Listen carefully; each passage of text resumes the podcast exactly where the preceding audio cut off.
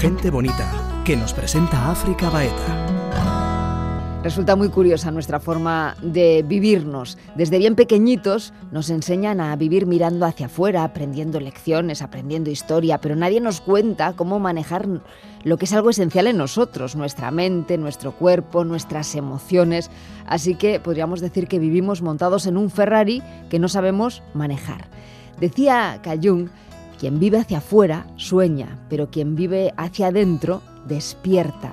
El inconsciente puede reservar mensajes esenciales para los oídos que sepan ponerse a la escucha. Todo depende de cómo veamos las cosas y no de la forma en que son en sí mismas. De todo ello hablamos hoy con el experto en Jung y psicoterapeuta Laureano Pérez. Gente bonita con África Baeta. Laureano Pérez, bienvenido a Gente Bonita. Muchísimas gracias y, me encanta estar contigo de nuevo. Ingeniero, entrenador de natación, el terapeuta. En el mundo del hacer está claro que, trabajas todas las partes, ¿no? O sea, cuerpo, mente y alma. Pero en el mundo del ser, ¿sabrías definirme quién eres? Yo es que creo que como que la vida pasa a tu través.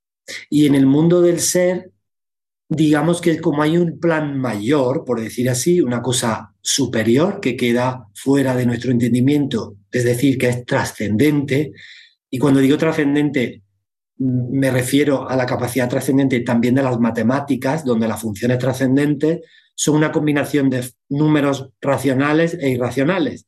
Entonces, creo que esa composición trascendente, que nunca vamos a comprender, a comprender del todo, nos ha traído aquí. Entonces yo me pongo al servicio de eso. ¿Cómo? A través de la intuición. Cuando hay un contenido que veo que me despierta como gran emocionalidad o interés, yo voy hacia allá. Podríamos decir que el inconsciente es como el gran hermano, que cuando no somos lo suficientemente consciente o todavía no hemos iniciado un proceso de autoconocimiento para barrer ese sótano inconsciente la medida que se pueda, nos dirige sin que nosotros lo sepamos. Va, muy en la línea de esa frase de Jung, ¿no? Que decía, que mira hacia afuera sueña, que mira hacia adentro despierta. Sí, bueno, es que Jung tiene una frase que son totales, pero evidentemente el inconsciente es quien nos dirige, incluso aunque tú hagas un trabajo de desarrollo personal. Porque mira, hay una diferencia fundamental entre Freud y Jung. Freud que digamos que fue, aunque no es realmente así, pero bueno, digamos que fue el que abrió la caja de Pandora de lo inconsciente, él tenía una idea de, digamos, de que la conciencia tenía el poder de absorber o fagocitar todos los contenidos del inconsciente, como si fuera un apéndice, como si el, el inconsciente fuera un apéndice de la conciencia, un cajón donde yo he guardado ahí la basura oscura, todos los contenidos incompatibles con mi ética, todo lo que yo creo que yo no soy, no soy un ladrón, no soy un pervertido, no soy un no sé qué, y entonces lo guardo ahí en ese cajón y puedo mirar al cajón con una linterna y decir, ah, mira todo lo que hay ahí, sí, todo eso, vale, lo integro. Eso es lo que Freud decía. Pero Jung, que fue discípulo de Freud y que una de las razones por las que se pelean de mm. manera muy telenovelera, que es genial, todos esos capítulos de la, pelea de Freud y Jung, súper divertido. Vamos, la isla de las tentaciones se queda en nada al lado de lo que fue aquello. Pues ellos, eh, pues Jung le dice a Freud, mira, he visto que hay personas que hacemos este trabajo de abrir el cajón y no solo no encuentran fondo al cajón, sino que aparecen contenidos que esas personas no han vivido y nunca se habían puesto en contacto con ellos. Y esta es la base del famoso, del famoso concepto de Jung, que es una de sus grandes aportaciones, lo inconsciente colectivo. Entonces, digamos que para Jung, lo inconsciente colectivo es la base de la vida. Es como, yo siempre lo digo con ejemplos modernos, porque si no yo sé que esto es muy denso, pero es como el Amazon vital. Tú sabes que entras en Amazon y compras de todo. Pues el inconsciente colectivo es el Amazon de la vida todo lo que se ha vivido desde la primera célula, hace 3.800 millones de años que surgió en la famosa sopa biológica, hasta hoy ha sido depositado como si fueran estratos en el mar de sedimentos en la base de lo inconsciente colectivo. Sobre ese mar, y como algo reciente y relativamente fragmentario y, y, bebé, como una especie de bebé, ha surgido la islita que mencionábamos antes de la conciencia, pero está sujeta a que cualquier tsunami del mar de la inconsciente se, se lo lleve por delante, como vemos cuando hay personas que tienen dificultades psíquicas. eso, es, maravilloso porque te lleva otra vez al concepto de, no dualidad, ¿no? realmente en nosotros está el todo, aunque nos creamos solamente ser la islita y ser los directores de esa islita. Claro, es que tú fíjate cómo cambia la cosa de tú pensar que eres un triste náufrago en una isla con una palmera y un coco para sobrevivir allí como puedas, a darte cuenta de que todo ese mar que tienes alrededor no solo no es amenazador y negativo como la visión de Freud, sino que contiene las posibilidades de todos los que han vivido otras vidas, que posiblemente muchos de ellos han pasado por tus mismas dificultades y de cuya experiencia en forma de posibilidades cuánticas, porque la visión de Jung es muy cuántica, te puedes apoyar para que tu isla se amplíe de acuerdo a tu naturaleza verdadera. O sea, es que la visión de Jung no solo es genial y súper optimista, sino que además, evidentemente, para que se produzca ese vínculo entre la isla y el mar, ha de haber una energía guía superior, que es lo que es el espíritu, que para él no es solo una cosa dogmática que me tiene que entregar una institución religiosa, como él decía, ¿no? Él decía, porque su padre era un cura protestante, ¿no? Decía, la religión exigía creer sin esperanza de saber.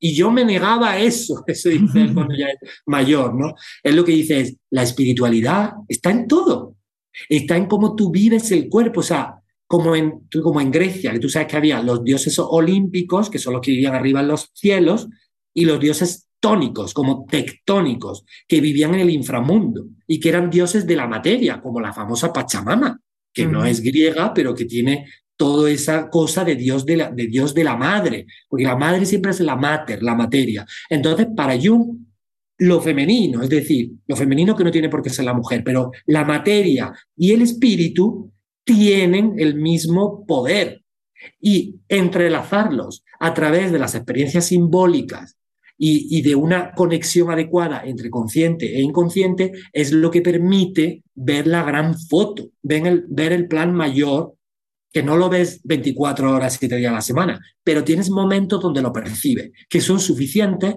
como para mantenerte en ese camino del misterio del que hablábamos antes y que te permite pues estar en la vida en otro lugar, porque es que sabes que te quedan cosas por descubrir, pero sabes que te asiste la gran naturaleza, materia y espíritu para que puedas hacer esta vida. Entonces es que es una visión tan esperanzadora que es que yo digo, por favor, es que yo me tengo que dedicar a, explicar esto de la manera más fácil que pueda, porque es, fácil. Eh, pero es maravilloso porque hay, hay, muchas teorías que llegan a la misma conclusión, ¿no? O sea, que es, el concepto de, de no dualidad. O sea, nos creemos separados, identificados con nuestra mente, con nuestro ego, con nuestra identidad chiquitina, y, nos perdemos, nos separamos de ese flujo universal que es el que nos asiste y de que formamos parte. Pero hemos empezado la casa por el tejado. Hemos empezado como por el final bonito de la película.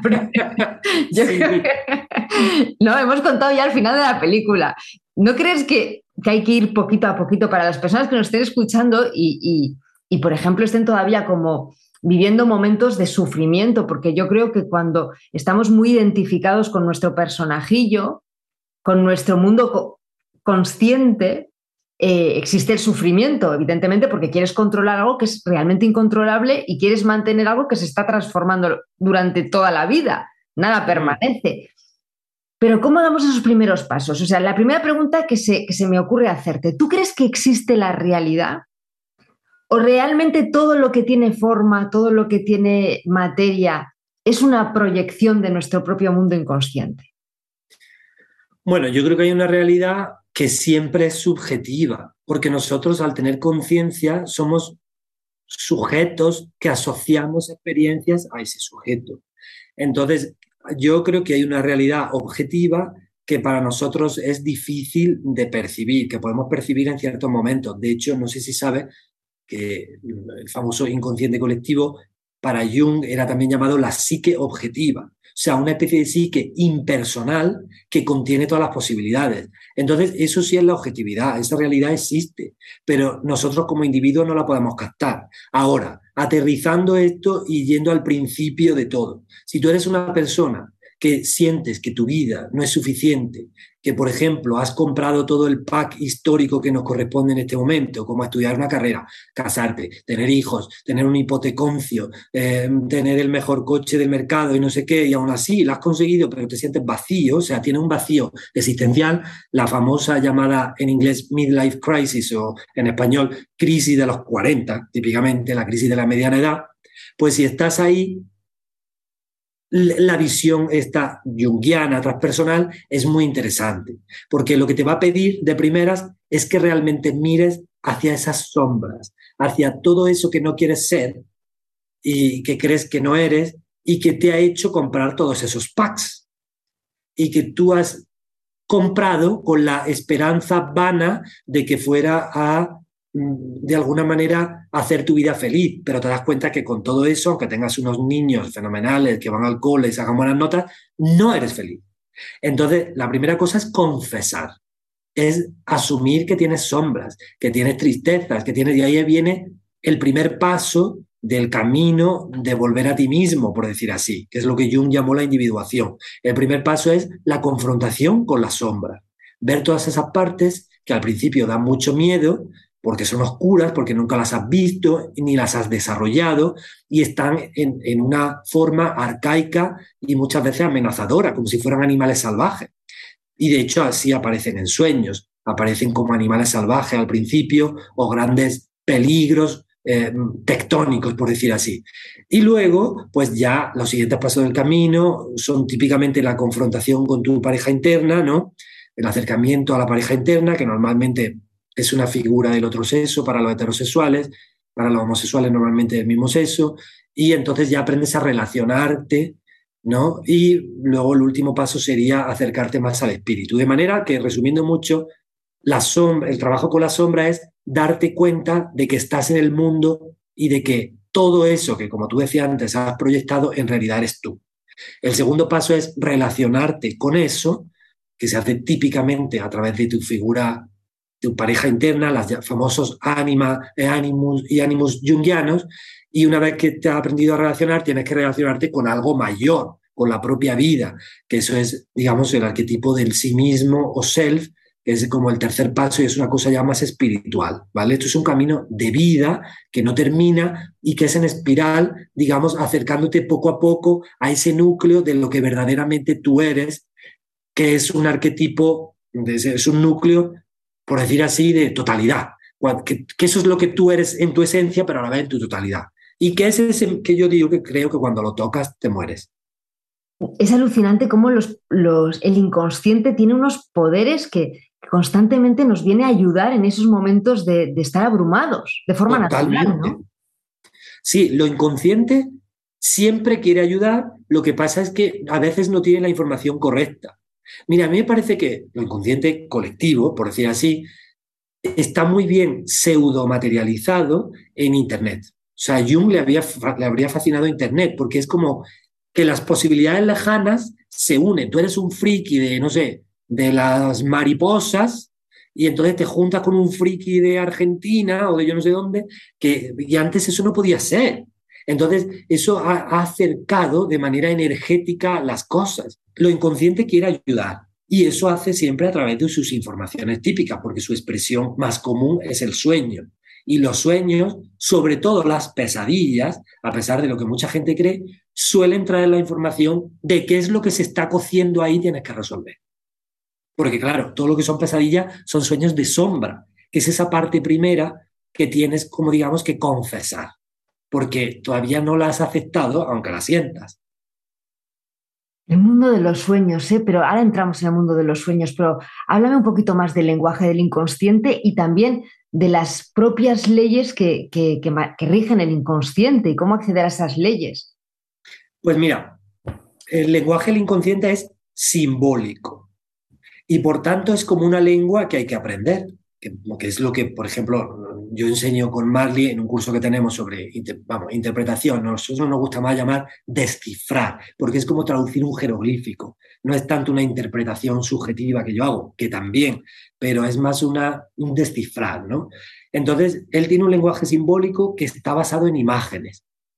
Y esas imágenes significan algo, pero no significan como en un diccionario racional siempre lo mismo. Por eso donde veáis un eh, diccionario de símbolos o donde sueñes con gatos y te metas en soñar con gatos y te den un único significado, pues huid, por favor, huid a toda prisa de ese tipo de interpretaciones que os van a confundir. Lo que hay que ver aquí es qué es un gato para ti. No es lo mismo si en tu casa no había nunca un gato y a ti no te gustan, así tú tenías gatos desde siempre, incluso tu gato murió antes de ayer. después de haberlo tenido 20 años en tu casa. Entonces, hay que ver exactamente qué es para la persona. O sea que, digamos, lo primero es que el lenguaje del inconsciente es simbólico, basado en imágenes que pueden representar distintas cosas. Lo segundo es que esas cosas distintas que pueden representar dependen de la subjetividad del que lo sueña. Entonces, para mí, el gato no significa lo mismo que para ti. Entonces, eso es fundamental. Y luego hay otra cosa fundamental en lo inconsciente, y es que él es funcional. Y él busca, viene de un origen, pero va hacia un lugar. Entonces, los símbolos siempre apuntan a algo. Entonces, como un sueño es un conjunto de símbolos, de este, digamos, es como, hablamos de este lenguaje simbólico, un sueño como una frase hecha de palabras o de letras incluso, y esas letras son los símbolos. Pues hay que ver ese conjunto de símbolos que se han, que han tomado esa forma particular de ese sueño, hacia dónde están apuntando. Ese espacio que aparentemente es oscuro, en realidad te está dando las indicaciones, te está como escribiendo cartas todo el día, todos todas las noches, para que tú las recojas. A veces recurrente, a veces la misma carta, como esta publicidad del supermercado que siempre es la misma, y tú no recoges esa carta. Es como, como una energía perdida, porque ahí todo es energético. Entonces, esto lo vemos mucho en series modernas y en, y en mitos fantásticos que todo tiene una cierta energía. Como por ejemplo, pues yo siempre digo, Harry Potter o Stranger Things, cosas de este, de este estilo que son mitos modernos, o los cuentos de hadas, todas esas cosas de magia que pasan nos hablan mucho de la dinámica de lo inconsciente, porque ahí en lo inconsciente, imaginación y realidad son lo mismo. Esa es otra de las leyes de lo inconsciente, que para él imaginación y realidad es lo mismo. Por eso tú puedes ordenar sus contenidos, porque tú puedes coger un contenido doloroso y a través de unas técnicas cambiar ese recuerdo y convertirlo en algo positivo. Y eso va a hacer que ya no sufras con esa cosa que a lo mejor lleva ahí desde que te humillaron cuando tenías siete años en el cole y que se ha quedado como un grito parado en el tiempo y cada vez que oyes a alguien reírse crees que se están riendo de ti. ¿Y cómo lo conviertes en positivo? Pues hay una serie de técnicas que la persona tiene que darse cuenta de lo que ha aprendido ahí. O sea, la intención positiva de lo que sucedió. Sí, y además entender que forma parte de su historia, adquirir un sentido que es lo que le va a permitir que tenga claridad en el asunto y que vea que solo fue, digamos, un personaje de, de una obra de teatro que un guionista mm, sagrado, por decir así, ha urdido y que yo tengo que soltar ya mi, digamos, mi ego y ponerme al servicio de ese guion y con lo que he aprendido, con la sensibilidad que yo he desarrollado por saber lo que es ser humillado, yo puedo hacer muchas cosas ahora, uniendo ese evento difícil que a mí me pasó y convirtiéndolo en algo positivo, uniéndolo a mis talentos que me han sido dados de forma natural. Laureo, pero el, inconsciente, tú hablas, eh, lo centras en los sueños y en lo simbólico, evidentemente, pero em, está proyectándose constantemente ¿no? en, nuestro, en nuestro día a día. O sea, quiero decir, en, las relaciones que establecemos con los demás, en lo que dispara nuestras emociones. O sea, el inconsciente es un disparador y un creador de nuestra propia realidad. Claro, pero es que lo inconsciente, o sea, yo cuando hablo de símbolos, para mí también son las personas con las que tú te relacionas, por ejemplo. Es decir, la empresa para la que yo trabajo es un símbolo. De hecho, es un símbolo típicamente materno, porque igual que mi madre, permíteme esta cosa como muy basturrona, igual que mi madre me daba teta cuando yo era un bebé, mi empresa me da mi nómina cuando llega a final de mes, o sea, cada las tres me, amamanta mensualmente. Entonces, son símbolos. O mi pareja, mi pareja es una proyección de eso que, que yo añoro y que encuentro en ella o en él. Entonces, todos son símbolos. No, pero entonces es una cosa, perdona que te interrumpa, pero nunca vemos lo que es, sino que vemos constantemente lo que somos. Vemos constantemente nuestra subjetividad. O sea, yo nunca te voy a ver a ti como eres, sino que siempre te voy a ver a ti como soy. Claro. Entonces, ese es el trabajo. Si tú haces un trabajo terapéutico y devuelves, por decir así, retiras esas proyecciones, tú empiezas más a ver a las personas como son. Pero claro, porque primero te has visto a ti y has visto que has depositado, por ejemplo, en tu novio que sea siempre fiel a ti, cuando a lo mejor eres tú la que no eres fiel a él y quieres que otra persona lo haga. Cuando tú te das cuenta de que no está siendo fiel a ti y lo retiras, seguramente el dolor que te va a producir una infidelidad va a ser menor, porque tú ya eres fiel a ti misma.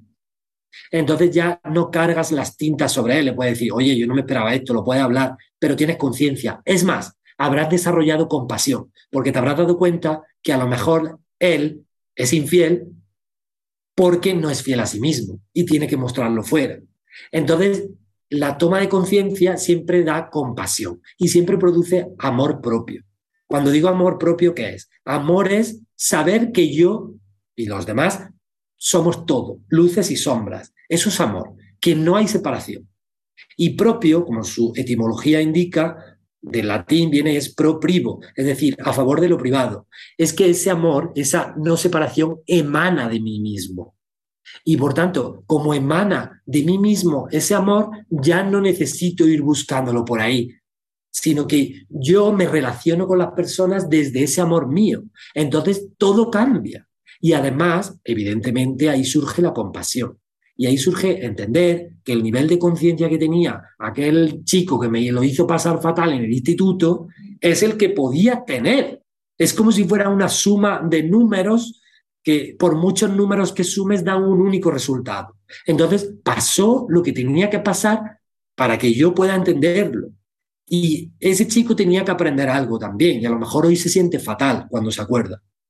Y eso es el amor, tú hablas de compasión, pero eso para mí es el amor en mayúsculas, no el amor que creemos que es el amor desde el ego. Es que amor y compasión están muy relacionadas. Mm. Porque compasión, ¿qué significa etimológicamente? Pues pazos, pasiones, pazos es dolor, o como patología, no es dolor, es algo, digamos, patológico, y com es con los demás, o sea, es un dolor compartido es que yo entiendo que el otro, por decir así, también tuvo sus dificultades, por eso actuó así, igual que yo he tenido las mías y también, aunque intente no hacer daño, si voy por el campo piso una hormiga. Y, todos, y, todo, y todo nos lleva al concepto de unidad, si te das cuenta, ¿no? Porque el otro, al fin y al cabo, es, otra proyección de mí misma. O sea, soy, yo me reconozco en ti, somos lo mismo. Claro, ese es que es nuestro gran anhelo. Ese es uno de los grandes puntos de pelea de Freud y de Jung que sacaba antes el tema. Lo saco ahora porque es muy bonito. Porque Freud, que era materialista, ¿no? Eh, y que no quería además salirse del marco del contexto de la ciencia para no ser titulado de místico, encima, digamos, era judío en una época difícil, pues él quiso siempre mantenerse al lado de lo material y por eso él lo basó todo en el instinto sexual, porque creo que nadie tiene duda de que todos tenemos instinto sexual, ¿no?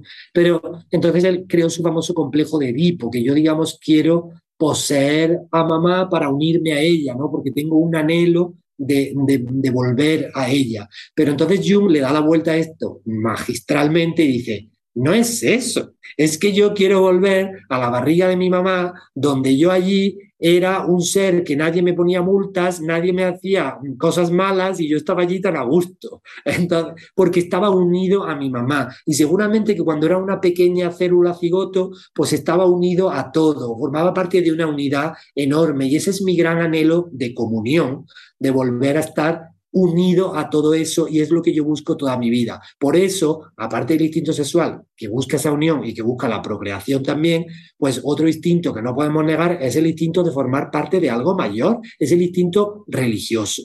Religioso no entendido como dogma, sino como su nombre indica, religare, volver a conectar con eso mayor, que puede ser tan brutal y tan instintivo que cuando hay una separación enorme puedo llegar hasta una guerra, porque si te fijas que es una guerra, es formar parte de algo mayor, aunque sea de un ejército que va contra otro para ganar, pero formo parte de algo, de alguna manera. Que eso es el momento histórico que vivimos, un sentido de estar separados enormemente, porque como hemos quitado a la religión su poder que no es racional, ¿no? Con a, la, a, la, actitud religiosa, ¿no? a la religión pura, pues no tenemos la visión del espíritu, de esa cosa mayor a la que en realidad queremos unirnos, porque todos queremos unirnos a eso otra vez tengo un potencial enorme, la vida ha vivido un montón de cosas y están ahí disponibles, pero soy un grano de arena en la playa. O sea, hay un plan mayor y hay un guionista mayor que ha decidido que yo he tenido que pasar por esta experiencia difícil, pero hay dos posibilidades. Ponerme con actitud de víctima y ser la víctima de la vida y qué mala suerte tengo y lo que me hizo aquel ex y lo que no sé qué, o una actitud de aprendizaje de lo que me hizo aquel ex no se lo voy a hacer yo a nadie. Es más, no me lo voy a hacer más a mí. Y voy a aprender de esto, me voy a recomponer, voy a soltar unas lágrimas porque me ha dolido mucho y quizá me lleve un tiempo, pero voy a conseguir que esto cada vez esté más integrado en no hacerlo y quizá con mi ejemplo, por lo menos los que están alrededor y quizá otros en el futuro no hagan esto. Al igual que ahora no se asesina gente en sacrificio y hace 500 años sí se hacía, en las culturas precolombinas, por ejemplo. O las barbaridades que se han hecho, por no, diga, por no decir de los europeos en las colonias, ya sean los españoles o los británicos o los holandeses. Entonces, aprender que lo que hemos hecho pues oye, no tenemos que repetirlo en la parte negativa y que eso negativo yo puedo aprender. Y si yo conjugo eso con lo que me ha sido dado naturalmente, que a mí se me da bien y donde se me va el tiempo y no me doy ni cuenta, como por ejemplo si me encanta pintar, pues si yo conjugo esas experiencias de aprendizaje con, con esa semilla, digamos que la experiencia de aprendizaje, yo siempre digo que son el estiércol y la semilla que me ha sido dada es eso que se me da bien pues esa semilla solo puede crecer si está un tiempo ahí en el estiércol y entonces brotar y desplegar una planta que tiene una función. Por tanto, tu propósito, lo que tú has venido aquí, tu naturaleza verdadera, es una mezcla de eso que te ha pasado y que te ha sentado tan mal y de eso que te ha sido dado. No es solo lo bueno. Por eso cuando la gente busca su propósito, yo digo, mira en lo que te ha pasado negativo, porque te ha hecho sensible a ser humillado, a ser dado de lado, a no tener un papá porque murió muy joven, a, ¿sabes? Te ha hecho sensible al valor de la paternidad, porque tu padre se murió muy joven. Y ahora si tú tienes hijos, vas a estar súper pendiente de ellos, y vas a tratar de hacerlo lo mejor posible. Por tanto, en cierto sentido, sé que cuando uno lo oye por primera vez suena difícil, es una bendición lo que tú has vivido. Lo que pasa es que está como un regalo metido en bolsa de basura. Entonces, lo, lo más que nosotros podemos hacer como individuos, y ya es mucho, es eh, todo eso que nos ha pasado, trabajarlo, unirlo a nuestros talentos y siempre ponerlo al servicio de los demás. Pese a lo que pese. Porque si lo pone al servicio de los demás, lo pone al servicio de la especie, de la vida. Y por tanto, aunque sea una cosa pionera que al principio puede estar vapuleada porque no encaje con el sistema mm, predominante, digamos, pues luego se puede integrar como ha pasado siempre, que así es el progreso, tiene que pasar por la discriminación y puedes generar una herramienta de progreso para el futuro, que finalmente, ¿qué es eso? La evolución. Lo que pasa que en vez de ser una evolución natural, es una evolución psicológica porque tenemos un yo, por decir así, ¿sabes? Entonces, digamos, por, haciéndolo fácil, todo este trabajo ayuda a que tú pongas algo al servicio de los demás y dejes aquí, en este río de experiencias, tu pozo personal. Es muy difícil, es muy, es muy distinto hacerlo desde una perspectiva de víctima donde no construyes nada a hacerlo de una perspectiva de aprendizaje. Me encanta escucharte porque además lo explicas todo tan bien y con tanta pasión que da gusto. ¿Cómo terminamos? Pues mira, yo creo que aquí lo importante, como veis, es un cambio de paradigma. No es tanto quedarse con una idea, ni sino abrirse a una cosa más grande. Darnos cuenta de que estamos en un momento de cambio enorme, ya visto desde la perspectiva astrológica, visto de la perspectiva económica, visto de la perspectiva energética. Que, ¿Por qué estamos viviendo una crisis energética? Porque estamos cambiando de sistema. O sea, el sistema está cayendo. Y nosotros tenemos que estar ahí al pie del cañón para lo que venga. Entonces, la mejor cosa que tú puedes hacer para estar preparado para eso, cada uno de nosotros, es trabajo en nosotros mismos, en ese mundo interior que luego lo vamos a ver reflejado en nuestro mundo exterior. Y por ello hay que liberarse de todas esas cosas que nos han pesado, que nos han sido difíciles en la vida, que nos ha tocado vivir y que hay técnicas para liberarse de ellas y para pasar a ver esa especie de plan mayor del que nosotros somos como una especie, no de títeres, porque tenemos una cierta parte de libre albedrío, pero formamos parte de algo mayor, no somos el rey del mundo. Leonardo DiCaprio en la proa del Titanic, ahí mm, para ser hundido tres icebergs después, ¿sabes? Entonces, la cosa es, abrámonos a que se puede ver otra manera más amplia de ver las cosas más cuántica que está basada en todo lo que se ha vivido antes de nosotros y en todo lo que se puede vivir. Y entonces yo siempre digo esto, es, es un cambio de paradigma, no es tanto ir a una terapia cinco sesiones que te va a ayudar, sino que cambian la manera de pensar, que te des cuenta que hay un espacio mayor, llámese transpersonal, llámese como cada uno quiera, donde la vida, la fuente, Dios, el cosmos, como cada uno lo quiera llamar en su lenguaje, hay algo por encima de ti que hay que respetar. Y que sin eso, pues estamos un poco perdidos, porque sin eso el individuo solo ante cualquier golpe de la vida se queda el pobre que no vale para nada. Entonces, tenemos que apoyarnos en esa dimensión mayor que también tiene una parte horizontal, es decir, vivimos con más seres humanos y con más seres vivos, pero tiene una parte, digamos, vertical que te conecta con algo mayor que no sé lo que es. Yo, a priori, no quiero llamarlo Dios porque me parece que volvemos fácilmente a caer en esquemas dogmáticos, por eso lo llamo la vida, porque me parece como que es un organismo natural, que no es ese Dios moral que si haces lo que él dice vas al cielo y si no lo haces vas al infierno. No, es un Dios dual que a veces pues manda un rayo y mata a alguien. O sea, es una cosa como natural.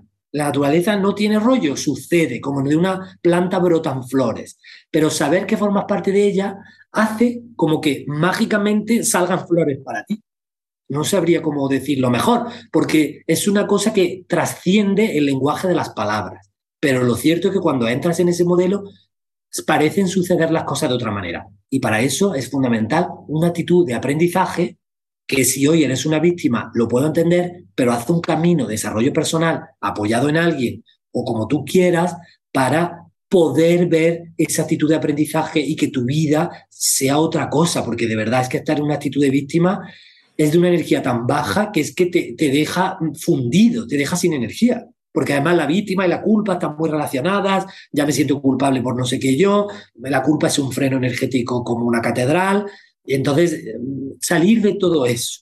Hay muchas creencias que hay que ir derribando, ¿verdad? Hay muchas creencias que tenemos ahí instaladas que hay que ir derribando, de que la vida es sufrimiento, que la vida es dolor, que... pero lo que me transmitía tus últimas palabras es como la aceptación total, ¿no? De lo que de lo que somos e interiorizaron cada una de nuestras células está a salvo. Sí, pero aceptación no como resignación, porque muchas veces cuando se habla de aceptación, la gente piensa, bueno, es que si acepto todo, pues ya no. Si hay una resignación de esto de venga, vale, trago. Hay lucha, si hay resignación, hay lucha y se multiplica por mil. Claro, resignación detrás queda un resentimiento. Tú en el fondo estás resentido, estás esperando a devolver el guantazo que te ha llevado tú. ¿Sabes? Aceptación es, vale, me ha tocado vivir esto, ¿qué puedo aprender? ¿Qué es lo que pareciera que el gran inconsciente quiere que la conciencia haga, hacerse cada vez más amplia. Y para eso necesitas aprender. Por eso, porque yo siempre lo digo, pero ¿por qué crees que el libro más vendido en esta época de transición que ha empezado a final de los años 90 ha sido Harry Potter? Y las películas esas que las ha visto todo el planeta. Da igual de qué país seas que te ha flipado Harry Potter a los niños del planeta.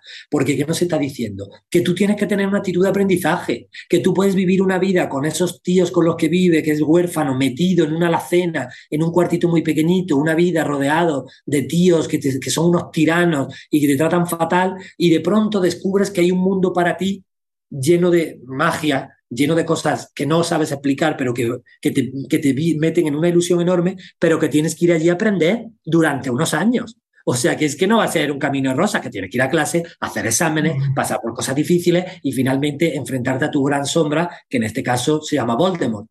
Pero por eso, por eso está tan de moda ese, ese contenido, porque nos está diciendo que estamos en una época, en un nuevo sistema donde hay que aprender. Y no basta solo aprender lo que aprenden los muggles, lo que aprenden los tíos eso en el sistema educativo, sino que tú tienes que aprender lo que va contigo, lo que es de tu naturaleza, que es lo que hace sentir la magia de la vida, por decirlo así.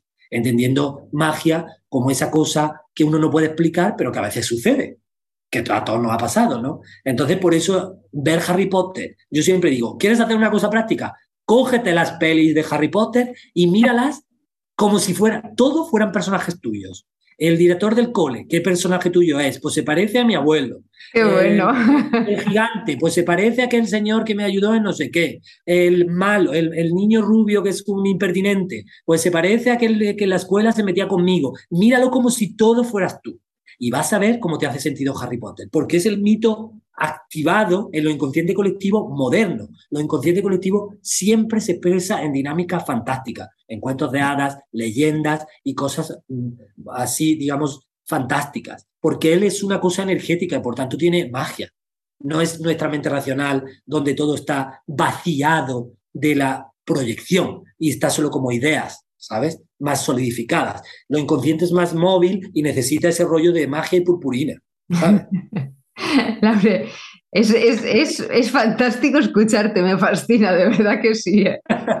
pero, no soy yo. yo. Mira, hay veces que la gente me lo dice, ¿verdad? A mí da igual, porque yo lo único que hago es seguir la cosa que siento que me ha sido dada, que es esta conexión con, con esto que yo ahora cinco minutos después no me acuerdo ni lo que he dicho, como si la información pasa a mi través. Por tanto, te agradezco lo que me dices, pero no es por mí, sea, es el contenido lo que es fascinante. Entonces, yo siento como que se me ha dado la tarea, por decir así, de dejar estos contenidos para que a quien le resuenen le ayuden. Y entonces, a veces esto va en contra de mm, mi propia vida personal, de tiempo que, que tengo que dedicar a otra cosa, que no sé qué, pero es como que yo he sido llamado a esto y lo respeto. Ese gran misterio que me ha puesto a mí aquí, lo respeto y lo hago. Y esto me ha hecho tomar decisiones que no han sido fáciles, pero es que la vida me lleva a mí por ahí. Entonces, invito a que en un equilibrio entre razón y, y cosa más irracional que te lleva, que es el que tenemos que tener, lo hagamos todos. Por eso yo no me siento dueño de estos contenidos, sino que pasan a mi través y aunque te agradezco, digamos, el cumplido, pero me lo tomo con ecuanimidad porque sé, es que sé que es, que es el contenido que es que es fascinante este contenido. Gracias, Laura. Muchas gracias a ti. Un abrazo y gracias por, por Gente Bonita, que es un espacio súper interesante y súper cariñoso para poder dejar mensajes y a cada uno que le llegue el que le tenga que llegar. ¿vale? Muchas gracias. Besito. Adiós. Adiós a todos gente bonita con África Baeta.